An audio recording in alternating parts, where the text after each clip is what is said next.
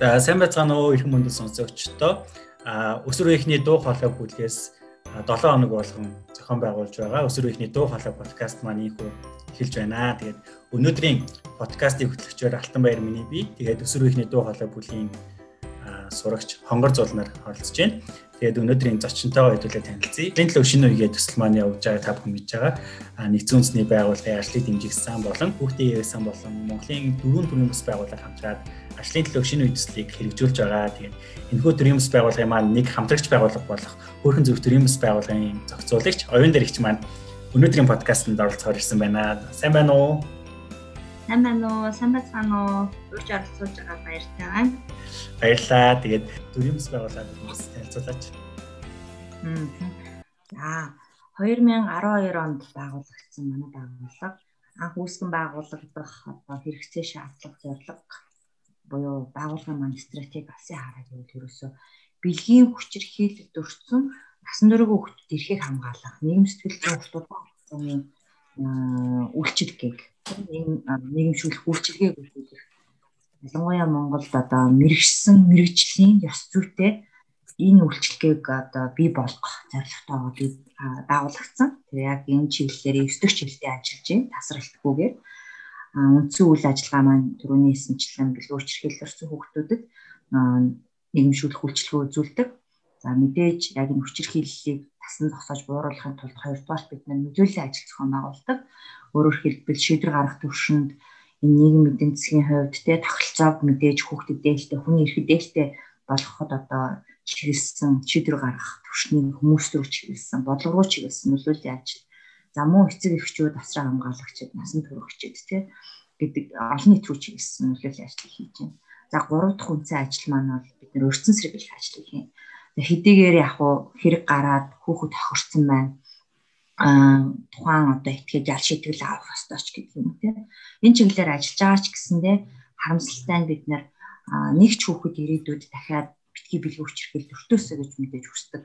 Учираас өрчөн сэргийлэх нь маш чухал байгаа гэдэг. Тийм учраас үйлчлэгээнийхээ хажуугаар бид нэр өрчөн сэргийлэх одоо олон талт үйл ажиллагаа зохион байгуулж ирсэн. Одоо зохион байгуулагч болно. Цаашдын манай үйл ажиллагааны дагуулгын нэг байх болно гэж бид нар боддог. За гуравт нь гэвэл түрүүний хэлсэн хүчрхийлд өртсөн хүүхдүүдэд үйлчлэгээ үзүүлж байгаа ялангуяа төрийн албаа хаагч мэрэгчлэнүүдийн ёс зүйн байдал мэрэгсэн байдал ур чадвартай байгаа байдал тий хүүхдийг хохироохгүй байх, хүүхдийг буруутгахгүй байх, ээлтэй үйлчилгээ үзүүлэх, дахин сэтгцийн гэмтэл учруулахгүй байх гих мэтчлэнгийн тухайн мэрэгчлэн байнгын өсөж хөгжиж дивжих дэвших ёстой энэ ур чадварыг хамтдаа бид нар бий болгохыг зорддог. Тэрний юу гэхээр чадвар бэхжүүлэх хөтөлбөр гэж ярьдаг. Тэгэхээр мэрэгчнүүдийн ур чадварыг нэмэгдүүлэх, одоо олон улсын практик шинжилгээ ухаан, тийм онцлог суурилсан чөлөө үеийн одоо тийм эрхийн одоо онлайн практик суурилсан байдлаар өөрсдийнхөө болон төрийн байгууллагын мэрэгчнүүдийн үндэсний хэмжээнд чадварчлуулахын ажлыг бас хийсээр ирж байгаа. За үндсэн яг энэ дөрвөн хөтөлбөртөөгөр бол бид 9 жил одоо ажиллаж байна. Цаашаа бас хөтөлбөртөөгөр ажиллахыг бас зорж байгаа. Энэ байгууллага байна. Тэгээд сая ковид одоо ковид 19-ийн тий цар тахлын үе бол яг манай Монголд бол ер нь ихэд дахин нэг жил бол тойрчлоо. Тэгэхээр цар тахал буюу одоо ялангуяа цар тахал гарсантай холбоотойгоор өдөр тутмын үйл ажиллагаа тий харилцаа бол зогсонтой холбоотойгоор ялангуяа цаасан даавал үйлчлэл зогсонтой холбоотойгоор хүүхдүүд нэрвшгүй байх, найс нөхдөд уулзахгүй байх тий миний харилцаанд орч чадахгүй байх, боловсрол эзэмшиж чадахгүй байх гэх мэтчлэнгийн маш олон нөхцөл бол нөхцөл байдлууд бий болж байгаа нь өөрөө бас хүүхдийг далд буюу гэр бүлийн дундах зөрчил маргааны золиос болох хүчирхийллийн золиос болох ийм нөхцлүүд бас цөөнгөө бүрддэг. Ер нь бол энэ бол батлагдсан судалгаагаар батлагдсан зүйл байдаг. Тэгэхээр энэ асуудал ч гэсэндээ бас манай Монголыг бас тойрсонгүй Өнөөдөр нөгөө танайд байгууллага октийн эсрэг хүчир октийн хүчирхийллийн эсрэг аягүй их ажилладаг гэлээ шүү дээ тий. Аа тэгэхээр октод нөгөө нэг янз бүрийн хүчирхийлэл төртөөл янз бүрийн ингээд аюулд орохоор чи яах гэж богино бүхтэй явсан. Тэгээд чи чи ингээд богино бүхтэй яваагүй бол ийм асуудал болохгүй шүү дээ. Чи шөнөөрөө яваг бол чи хин нэгэнд ингэж хүчрхийлэлд өртөхгүй штэ гэдэг юм уу. Ийм их ярианууд айгүй их байдаг штэ. Та энэ тал дээр ямар бодолтой байгаа вэ? Аа. За манай байгууллагын үндсэн үйл ажиллагаа бол зөвхөн охид биш 0-аас 18 хүртэлх насны хөгжлийн бэрхшээлтэй үндэсний цонх, бэлгийн цонх тий а улс орны одоо юу гэдгийг заавал Монгол гадаад гэхгүйгээр бүхий л хүүхдэд Монгол Улсын өмнөдөд дэвсгэр дээр одоо амьдарч байгаа бэлэг хүчрхэд төрсэн хүүхдүүдэд үйлчлэгээ үзүүлнэ буюу эрхийн хамгаалтна гэж явдаг гэсэн үг юм. Тэгэхээр зөвхөн охид биш. А гэхдээ харамсалтай мэдээж амьдр төрөлсөн хүчирхийлэл энэ бэлэг хүчирхийллийн статистикийг харахаар ерөөсөө л 90-95% охид эмэгтэйчүүд байдаг. Тэгэхээр дийлэнхтэй бол эмэгтэйчүүд хүүсийн хувьд бол эмэгтэйчүүд байна гэсэн үг тийм. За мөн яг бэлгийн хүчирхийллийн статистикийг харахаар ер нь бол өсвөр насны охтууд За хуучин бол нэг 14-өөс 17 ч юм уу тий насны охтууд бол дийлэн хувьд байдаг байсан бол одоо жилийн их тусмал энэ нас бол багасж байна л та. Тэгэхээр хөдөө орон нутагт амьдарч байгаагаас үр шалтгаалаад боловсролын одоо юу гэдгийг насны хувьд ч тэр боловсрол амьдралын орчин нөхцлөөс үр шалтгаалаад энэ бэлгийн хүчирхийлэлд өртөх одоо магадлал бол бас харьцангуй байна. За энэ нь бас юутай холбоотой гэхээр мэдээж нөгөө эцэгхийн хараа хяналт сул байгаатай холбоотой, эцэгхийн хайр халамж дутмаг байгаатай холбоотой энэ зүйлүүдээс бас илэрч юм л та ялангуяа өсвөр насны охтуудад одоо болзооны бэлгийн хүчирхийлэл гэж юм төрөл байдаг.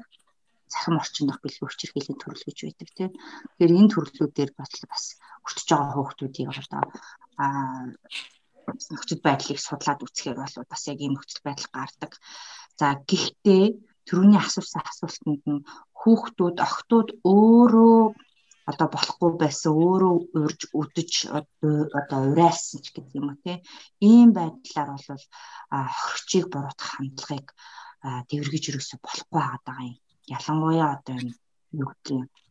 Хүнийхэн салбарт ажиллаж байгаа бид нэр амнасаа бас яг гарахтаа тий өгөн дээр нэлээд анхаарах хэрэгтэй биш байгаа юм.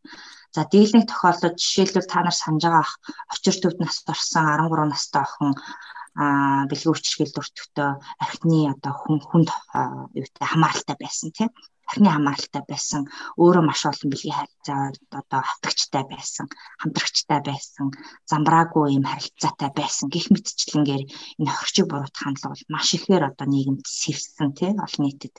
Тэгээ энэ нь өөрөө цаана юу гэж илэрхийлээд байгаа юм гэхээр хоригчийг бид нар буруут тусмаа тохон хүчирхийлэгчийг бид нар өөгшүүлж тохон хүчирхийллийг гарах шалтгаан нөхцөлийг бараг одоо тий суурийг одоо бий болгож идэг ийм үзэгдэл байгаа юм.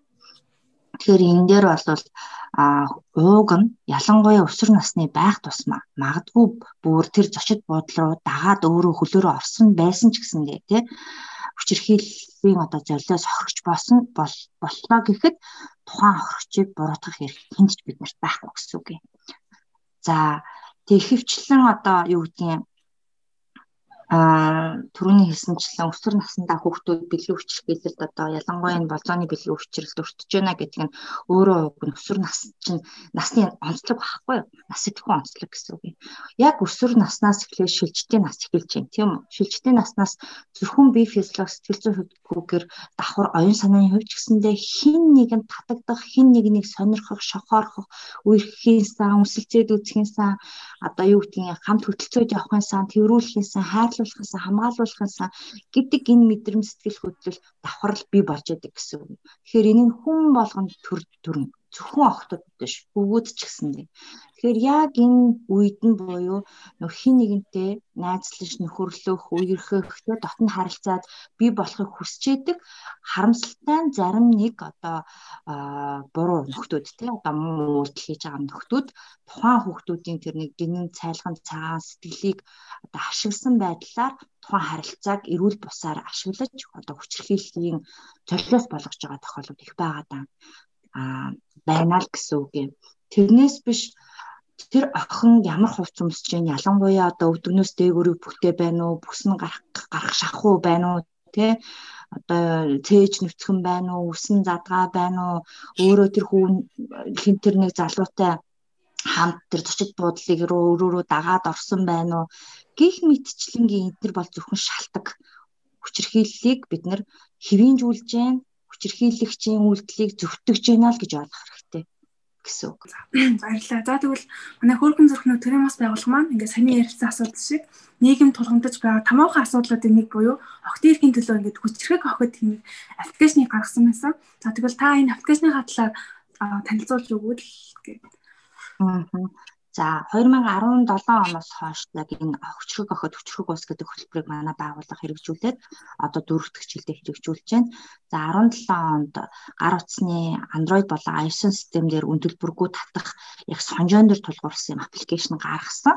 За энэ нь яг бүтцийн хувьд гэх юм бол 4 насны ангилалтай бага насны буюу 3-аас 10 10 хүртэлх насны ангиллыг бол эцэг их мужуулагч багштайгаа хамт хийх ийм сонж байгаа.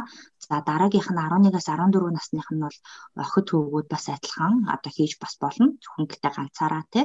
За тэгээд дунд буюу 15-аас 18, 18-аас дээш буюу охид залуу эмэгтэйчүүдэд зориулсан гэж байгаа. Тэгээд энэ аппликейшн нь дотроо төрөлтөй Жишээлбэл 18-аас дээш насны залуу эмэгтэйчүүдэд зориулсан байлаа гэвэл а хосын хооронд жишээлбэл тий хосын хооронд хэрхэн одоо яг энэ бэлгийн хүчирхийллийн ямар нэгэн одоо юу гэдгийг зөрчилд харилцаа үүсэхгүй байх вэ гэдгээс сэргийлсэн сонжоо өөрөөр хэлбэл энэ эрүүл бол эрүүл бус харилцааг гэнэ үү таньж гэнэ үү гэдгийг нь шалгах санжиг гэх юм да. За хоёрдугаарт нь мэдээж залуу эмэгтэйчүүд одоо сургуулаа төгсөөд гэдэг юм уу эрт ажлын байранд бол ажиллах хэрэгцээ шаардлага гардаг мэдээж хүн болгоны тий цагийн ажил хийдэг ч юм уу. А гэтэл ажлын байран дээр гарахад тухайн ажлын одоо ажид олгогчоос юм уу хамтрагчийн зүгээс юм уу тий үгүй бол одоо захиалагчийн зүгээс ч гэдэг юм уу ажлын байран дах бэлгийн дарамтыг одоо үйлдэж гэнэ үү Тэгвэл яаж тэр ажлын байранд бэлгийн дарамтыг таних ёстой юм? Тухайн үйлчлэл мөн үгүй юу гэдгийг мэдж байгаа мó гүм гэдгийг нь сонжно гэсэн. За мөн гудамж талбай болон одоо олон нийтийн газар жишээлбэл бас бэлгийн дарамтад өртөх тохиолдол маш их байдаг. Жишээ нь нийтийн тээвэрт тий. Нийтийн тээвэр манай Монголд бол хүртээмжийн хувьд бас их хүртээмж муутай штэ. А гэтэл маш олуулаа чигцэлдээд явдаг автобус цөөхөн байдаг гэдэг ч юм уу те ийм тохиолдолд нэлээд одоо хувийн орон зайруу нь халдсан байдлаар бол эмгтээчүүдийн биед бол хүртдэг ийм тохиолдлууд байдаг охтуудад те. Эмгтээчүүдэд ч гэдгүүгээр ер нь. А гэтэл үүнийг зүгээр л а олон хүнтэй болоод намайг шахчуудаа үгүй болвол би өөр өөрөөр ботчуудаа за иймэрхүү дүү миний хөхийг те ингээд шүргээд өнгөрөх өвсгийн маань ингээд юу гэдгийг юу гэдэг вүлээ за алгадаад өнгөрөх ийм тохиолдод бол хэвэн штэ гэж үзэж яадаг. Гэтэл эн чинь өөрөө бэлгийн дарамтын нэг хэлбэр шүү гэдгийг бас тооцож үзэж гэнэ үү таньж гэнэ үү гих мэтчлэнгийн төрлүүд гэсэн үг юм. Тэгэхээр бэлгийн хүчирхийлэл бэлгийн дарамт гэдэг энэ а одоо босромог зүйлэн тий одоо хүний яснаас гадуур гимт хэрэг шүү. Дээр нь бол хүний эрхийн зөрчил. Энэ үйлдэлийг хааж үлдэж одоо тохиолддог хинч хинт ч үлдэж болдог учраас бүхий л одоо энэ орчинд хүн болгонд мэдчих хэвээр наад захын юм одоо юу гэмтэй мэдлэг мэдээлэл ур чадвар гэх юм уу да. Жишээлбэл ажлын байран дээр гарлаа гэхэд бид нар наад захын техник тоног төхөөрөмжтэй харьц сурсан байх. Хүнд өөрийг илэрхийлж сурсан байх. Бусдаа ярьж сурсан байх. Гэх мэтчлэнгийн софт болон хард скиллтэй байх хэрэгтэй гэж ярьдаг штэ тий. Яг үүнтэй адилхан амьдрах ухааны За бэлгийн цогт боловсруулахын ч гэдэг юм. Наад захын ийм мэдлэг мэдээлэлтэй байх нь өнөөгийн 21 дугаар зуунд бол одоо нэн шаардлагатай ур чадваруудын нэг болчиход байгаа байхгүй? Тийм учраас түүнийг нь илүү таниулах зорилготойгоор очих очоод бид нар мэдээж Монгол улсын өргөн удам нутаг дэвсгэр дээр 21 аймгийн бүх хүүхэд бүх сумд 365 сумд очиж те 500 гаруй сургууль дээр очиж сургалт хийх угаасаа боломжгүй мэдээж авах хизээ нэгэн цагт одоо би нэг эмээ болсон үедээ очиж чадах бах.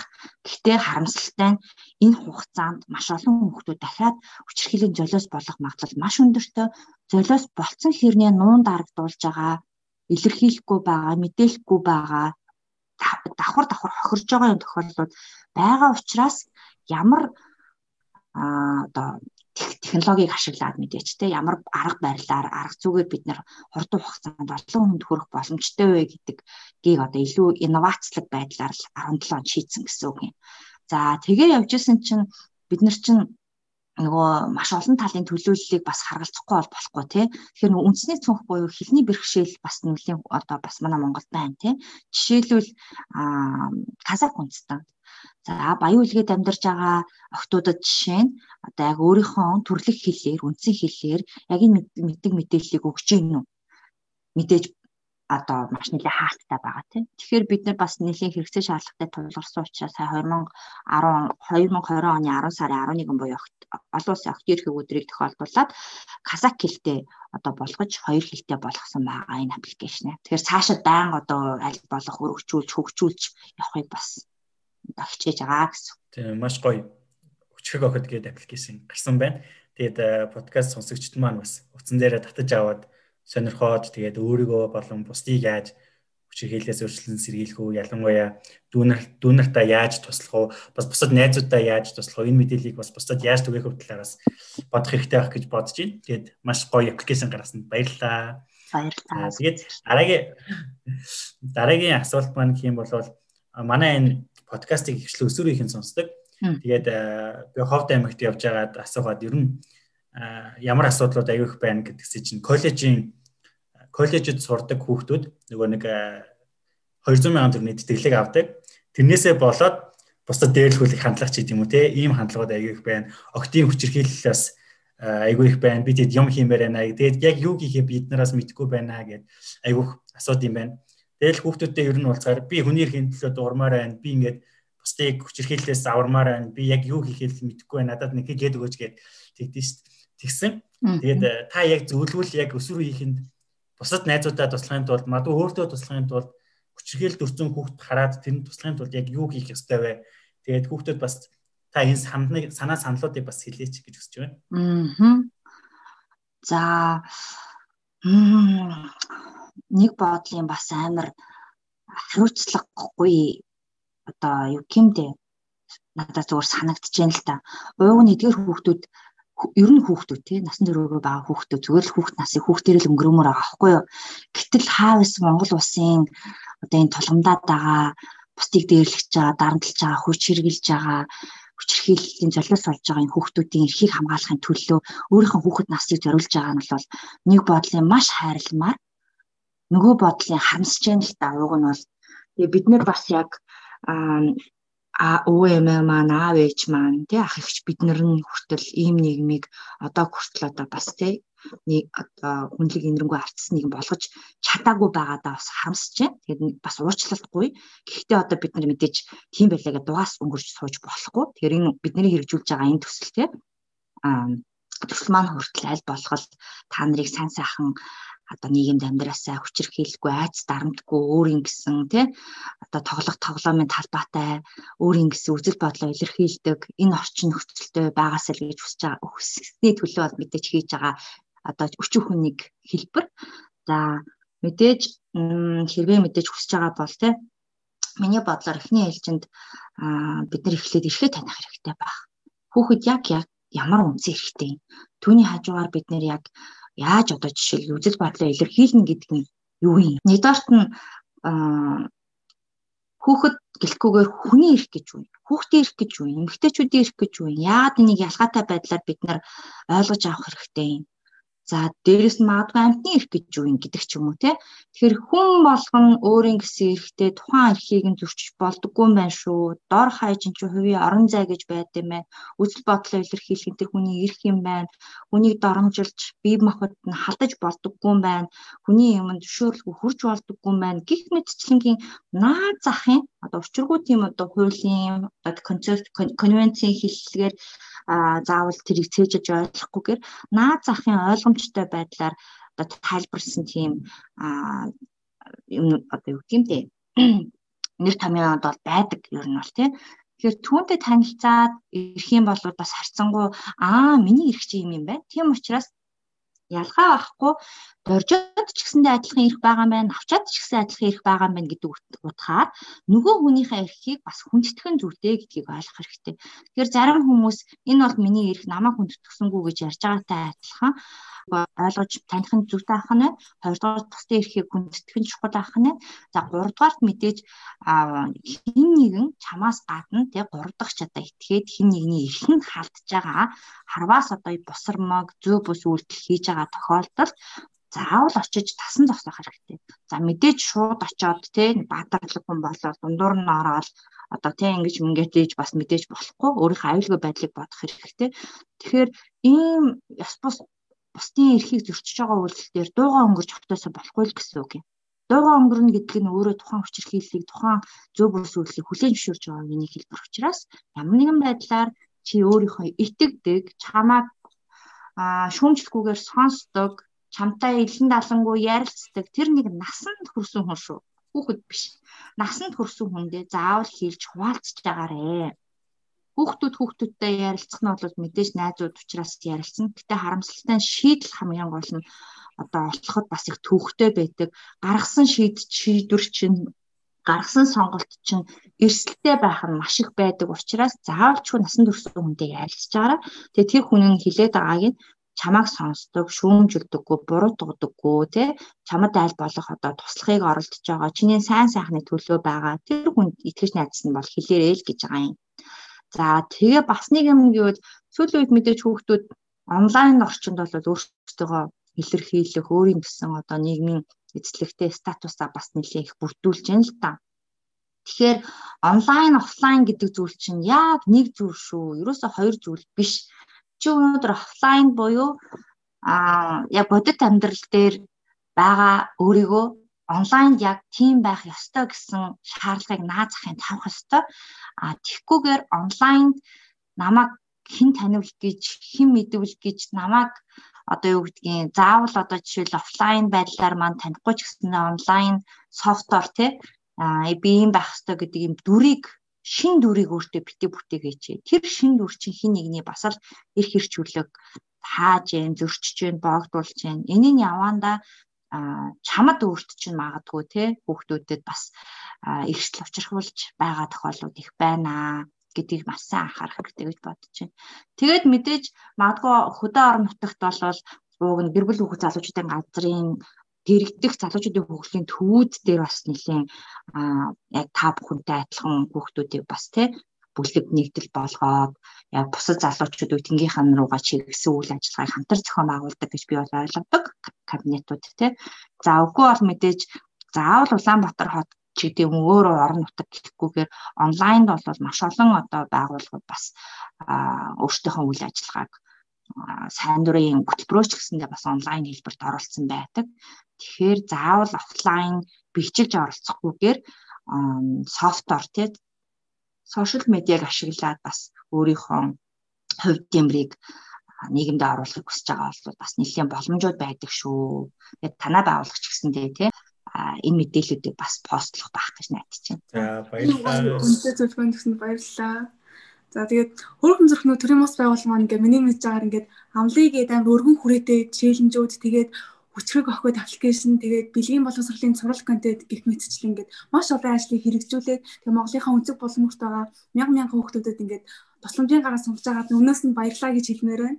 Тэгээд өнөөдөр бас манай урлагийг хүлээж аваад оролцсонд танд бас бас баярлаа гэж хэлье. Баярлаа. Тэгээд манай байгууллагын хүүхдүүд ер нь би биэндээ ер нь ямар ч нэг ажлыг дууссан хамгийн сүүлд нэг юм үгийг хэлээд дуусгад. Тэгээд энэ подкастаараа бас тэр үгийг хэлээд дуусгая. Хүний эрхийн төлөөх таны өвгтэй нь тод үзэгтэй нь хурц байгаарэ гэд энэхүү подкастаа дуусгая. За маш их баярлалаа. Та бүхэнд ч гэсэн та ажлын гэхээсээ илүүтэй тий хувийн сэтгцэн эрүүл мэндэд сайн анхаарад энэ ковид-19-ыг одоо даван туулаад хэдүүлээд сайхан цаг мөч удахгүй ирэх болно. Баярлаа. За баярлаа.